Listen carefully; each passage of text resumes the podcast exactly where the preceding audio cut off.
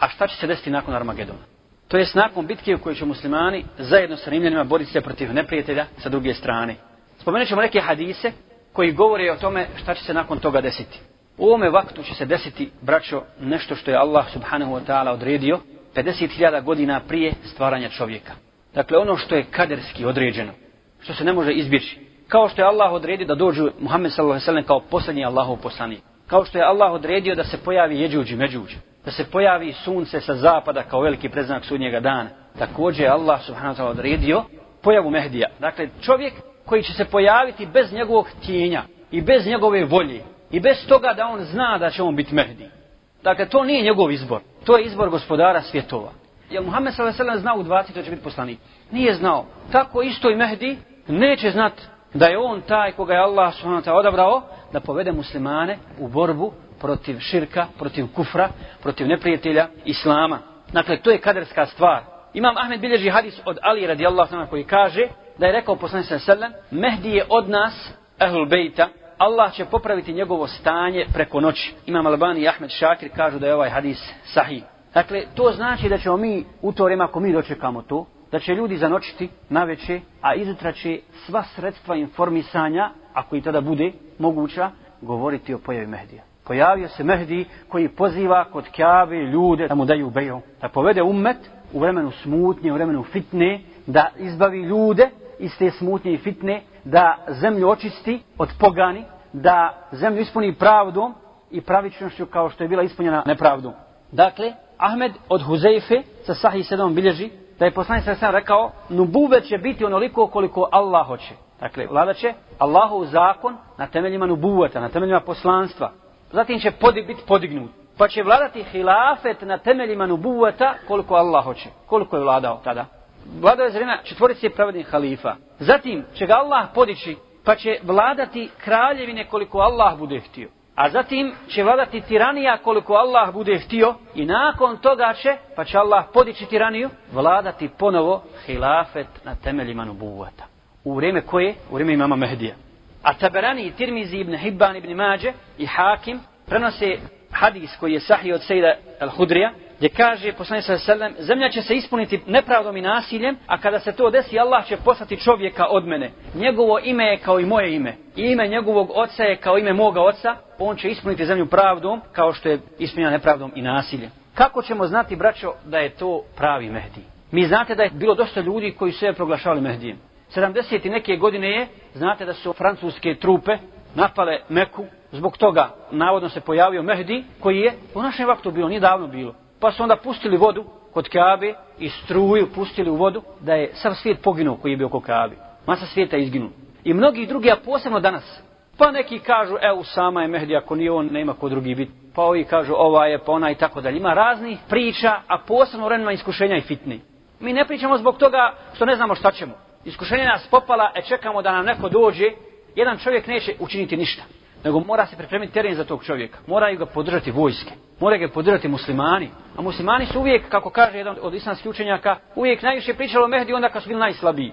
Španija bila toliko vjekova muslimanska, e kad su kršćani ušli, a muslimani se pokvarili, odali se svim mogućim porocima, onda su kad mnogi od njih govorili, e doće Mehdi pa ćemo mi njih poraziti. A imali su vlast. Dakle, mi ne govorimo zbog toga o Mehdi. Ali hoćemo da upozorimo na to koji je znak da taj Mehdi koji se pojavi da je to pravi Mehdi koji je najavio Resul sallallahu alaihi sallam. Jedan vidljiv znak kojeg bilježi Buharija i Muslim. Od Aisha radijallahu ta'ala anha da je rekla jedno veće je usnu Muhammed sallallahu alaihi sallam dok je bio sa mnom napravio takav pokret od kojeg sam se ja prepala. I nikada nije prije napravio takav pokret. Nikada. Pa sam ga pitala, ja Rasulallah, šta to znači? Šta znači taj pokret? A on je rekao, čudim se vojskama koji su krenuli na čovjeka iz Kurejša, koji je okupio ljude kod Kaabe, Allah će dati da ova vojska, kaže poslanik sve selem, propadne u zemlju. Ta vojska kad se čuje da se pojavio Mehdi, krenut će ljudi sa svih strana da ga napadnu. Ili da mu daju beju. I jedni i drugi će krenuti. Čudim se vojski koja je krenula protiv Mehdija, protiv čovjeka koji se pojavio iz Kurejša, koji okupio ljude kod Kabe i poziva ih u džihad. Pa je rekla Iša, ja Rasulallah, putovanje spaja ljude, a različitih nije ta. Jedni su pošli da mu daju beju, da mu se došli, drugi pošli da, da se bore protiv njega. Zašto da svi stradaju? Kada je poslanik se selem, stradat će svi, svi će propast u zemlju, a na sudnjem danu će biti proželjeni po svojim nijetima. Ako si pošao da daš beju, na sudnjem danu će se to znat i ti si u džennetu, inša Allah. Uspio to ostvariti na dunjalu ili ne uspio. A ako si pošao da se boriš protiv Mehdija, čekate vatra. Znači da si na strani onih ne do Allah koji su krenuli da se bore protiv Islama. A kod muslima stoji njegove predaji da će ostati jedna grupa ljudi koja će obavijestiti o tome šta se desilo. Čak neki islamski učenjaci kažu da će zemlja propast, kako je poslanik se sedem to opisao, na onom mjestu gdje se nalaze sad američke baze u Saudijskoj Arabiji, gdje se nalazi nevjernička vojska. Allah zna najbolja otprilike, tu je to mjesto. Dakle, i dolazit će muslimani sa svih strana da dadnu beju na pokornost ovome emiru, odnosno imamu. Šta se posle toga desiti? Poslanik sallallahu alejhi ve sellem nas obavještava u detalje. Ima čak učenjaka islamskih koji su u detalje poredali na osnovu predaja šta će se sve dešavati. Poredali dakle te velike i male preznake sudnjega dana. Posle toga će dakle nevjernici objaviti rat Mehdiju. I onima koji će ga priznati i Mehdi će voditi mnoge bitke i nijednu neće izgubiti.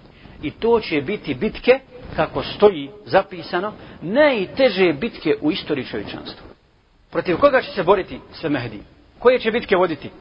Imam muslim bilježi hadis od Nafija ibn Utbeta, da je rekao Resul sallallahu alaihi ve sellem, najprije će se Mehdi boriti protiv Arapa, pa će Allah Đelešanohu dati pobjedu na njegovim rukama i svi će se Arapi vratiti u Islam.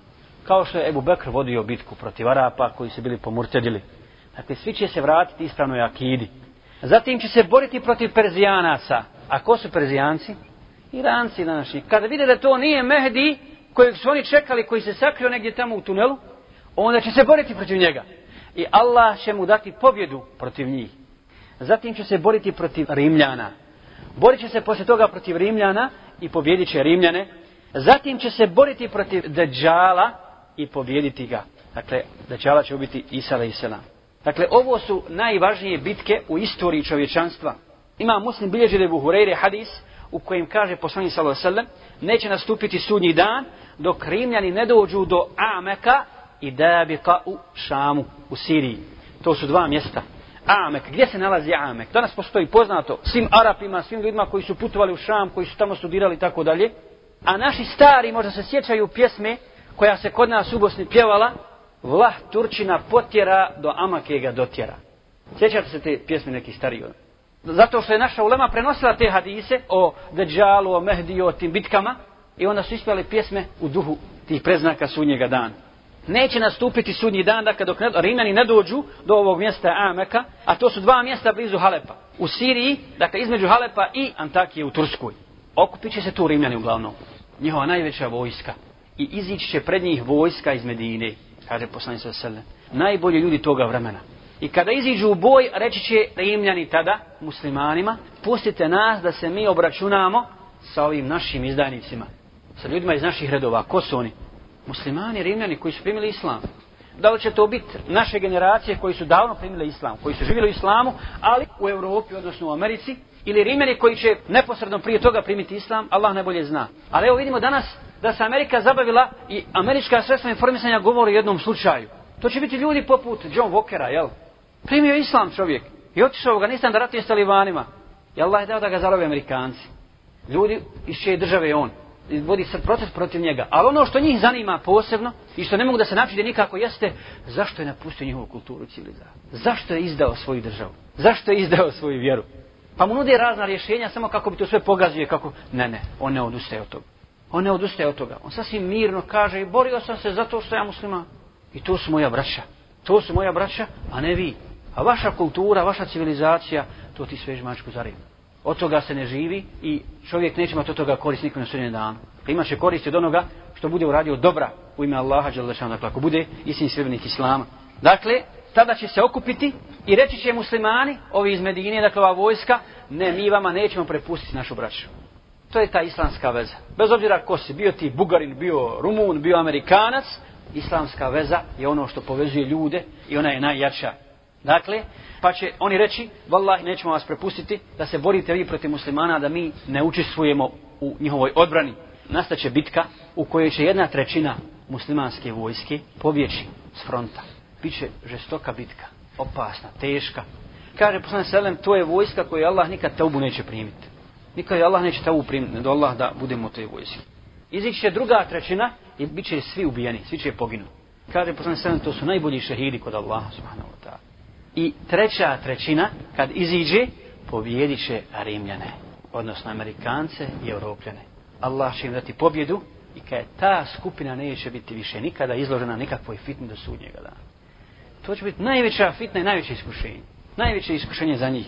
U drugoj predaji stoji o crvenom vjetru koji se pojavio u vrijeme Abdullah ibn Mas'uda pa je došao čovjek iz Taifa trčeći a Abdullah ibn Mas'ud je ležao pored Kabe i došao i rekao ja ibn Mas'ud, ja ibn Mas'ud nastupio je sudnji dan, nastupio je sudnji dan Pa kaže, šta je bilo? Kaže, pojavio se crveni vjetar, kaže, ovo je veliki preznak sudnjega dana. Kaže, Abdullah Mesel, pogledaj što je ilm, što je učenja. Ashab poslanik sam ustao i kaže, neće nastupiti. Poslanik sam nas obavijestio da neće nastupiti sudnji dan, dok ne dođe vrijeme u kom se neće dijeliti miras, ostavština, i niko se neće radovati ratnom plijenu. I dalje, malo poduži hadis, zašto neće radovati ratnom plijenu? Evo, posle ovih bitaka, ima predaju kojima stoji da će ostati od hiljade jedan čemu će se radovati kad bude sam na vojnom polju, da mu ostavi sve i kome će dijeliti miras. Dakle, to će biti bitke koje će uzeti mnogobrojne živote. Ali je bitno da je to bitka između istine i laži. I musliman zna da će svakako umriti. Poginuo u ovoj bitci ili umro na svojoj postelji, inša Allah, njega čeka nagrada kod Allaha Đelešanu. Dakle, i bit će poraženi Amerikanci, odnosno Evropljani, odnosno Rimljani, bez obzira na njihovu tehniku i njihov napredak, i bit će osvojen Konstantinopolis, odnosno Carigrad, bez borbi. kako kaže Resul sallallahu neće nastupiti sudnji dan dok 70.000 70.000 od Benu Ishaka ne osvoje Konstantinopolis. U hadisu kad je pitao ashabe, znate li vi za grad čija jedna, jedan dio na kopnu, jedan dio na moru? Znamo ja Rasulallah. Kad neće nastupiti sudnji dan dok 70.000 od Benu Ishaka. Ko su Banu Ishak, Sinovi Ishaka. Nisu to židovi. Mi smo svi Banu Ishak. Evropljani, Rimljani, dakle muslimani koji će kasnije primiti islam. Potomci Ishaka, a ne Ismaila. Dakle, krenut će ta vojska muslimanska i samo će kazati jedan put la ilaha illa Allahu, Allahu akbar. I pašće onaj dio koji je na moru. Zatim će kazati drugi put to isto i pašće onaj dio koji je na kopnu. I treći put će ta vojska ući pobjedonosno u taj grad. A dakle, što tiče Benu Ishaka, kaže Ibn Hajar Askalani, to su također dakle, rimeni koji će primiti islam prije toga, neposredno ili puno prije toga. A što se tiče zadnje bitke koji će voditi Mehdi, to će biti bitka protiv najgorih stvorenja na zemlji. A to su židovi. Ima muslim bilježe da je Buhureyre, da je poslanik sam rekao neće nastupiti sudnji dan dok se ne sukobe muslimani i židovi. I muslimani će pobediti židove, a tada će i kamen i drvo govoriti o muslimanu, o Abdallah, evo židova za mnom, dođi i ubi ga. Osim drveta Garkad, to je židovsko drvo, ono neće govoriti. A vidjeli se na televiziji i u novinama se čitali da oni to javno sade drvo Garkad. I ovo već preziđuju Jerusalem, pravi onaj svoj najavljeni 11 km dug zid između muslimanskog dijela i ovog koji su oni osvojili, odnosno zauzeli silom. I izaći je židovi da pomognu Deđala, pa će biti poražen Deđal i njegova vojska i Isa alaih će ubiti Deđala. To je dakle slijed izhod događaja. Na kraju pobjeđuje Islam, kako kaže uzvišeni, yuridun al yutfi'u nur Allahi bi afwahihim wallahu mutimmu nurihi walau karihal kafirun. Oni žele da utrnu Allahovo svjetlo, ali Allah hoće da upotpuni svoje svjetlo makar to bilo krivo nevjernicima i munaficima.